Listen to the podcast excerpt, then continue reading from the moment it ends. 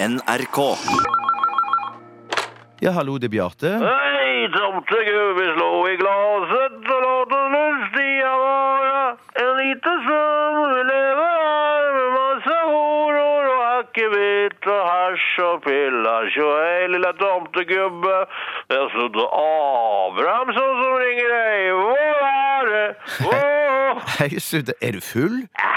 Ja, alltså, du kan ha fyra i promilla för att göra den här jävla jobben. Men jag är inte fullare än vad som är acceptabelt på en normal tisdag förmiddag. En flaska akvavit och en sixpack med bärs och en haschcigarett. Fan, det ska bli en trevlig dag. Ja, så du er på jobb? Ja, visst fan är jag på jobb. Jag jobbar ju i Norsk Faktorama, marknadsundersökningsinstitut och undrar på om du har fem minuter till att svara på några fåniga frågor om mulla krekar. Ja, det kan jeg godt. Super, super! Mulla Krekar ble i Oslo tingrett i går dømt til fem års fengelse for blant annet trusler på en skala fra 1 til 6, der 6 betyder veldig streng. Hvor streng tykker du dommen var? Ja, En, kanskje? Ja, ja. På en skala fra 1 til 6, hvor mye tykker du om den rara hvite hatten som Mulla Krekar benyttet under rettegången? Ja, den kler han jo på en måte, så kanskje en firer. Fyra. Skulle du villet ha en sånn der hatt, Bjarte? En fånig hatt? Ja, hvis jeg fikk han gratis, så kanskje. Hvis du tenker på utseendet til mulla Krekar generelt, hvor kjekk tykker du mullaen er på en mullaskala fra 1 til 6, Bjarte? På en mullerskala? Ja, Ja, jeg har liksom ikke sett så mange muller, så i fare for å si noe feil, så blir det nok midt på treet. Tre. En treer. Hvem er verdens best kledde mulla, tykker du? Jeg kjenner bare mullerkreker, jeg, så da blir det vel mullerkreker. Men mulla Krekar, syns det er rart å tenke på at mulla Krekar har masse hår og skjegg, mens hans advokat Brynja Meling er helt skallad?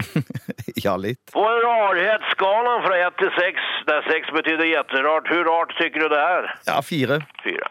Hvis stabburet hadde laget en leverpostej med bilde av mulla Krekar på, tror du mulla Krekar ville blitt forbannet? Ja. Hvis stabburet hadde laget denne posteien og kalt den mullapostei, skulle du ville ha mullapostei på din brødskive? Nei, jeg tror ikke det. Hva hvis stabburet hadde kalt den krekarpaté? Nei takk. Ok, hvis du måtte velge ett av tre alternativer, hvilket ville du valgt? Ville du A. Spoonat med mulla Krekar en hel natt, båda två är nakna. B. Gitt mulla Krekar en bodymassage med happy ending foran et fullsatt Oslo Spektrum. Eller C. Ligget på sofaen og kysset mulla Krekar med tunga i en timme mens ni lyssnar på ølbrillor med Erik og Chris på repeat.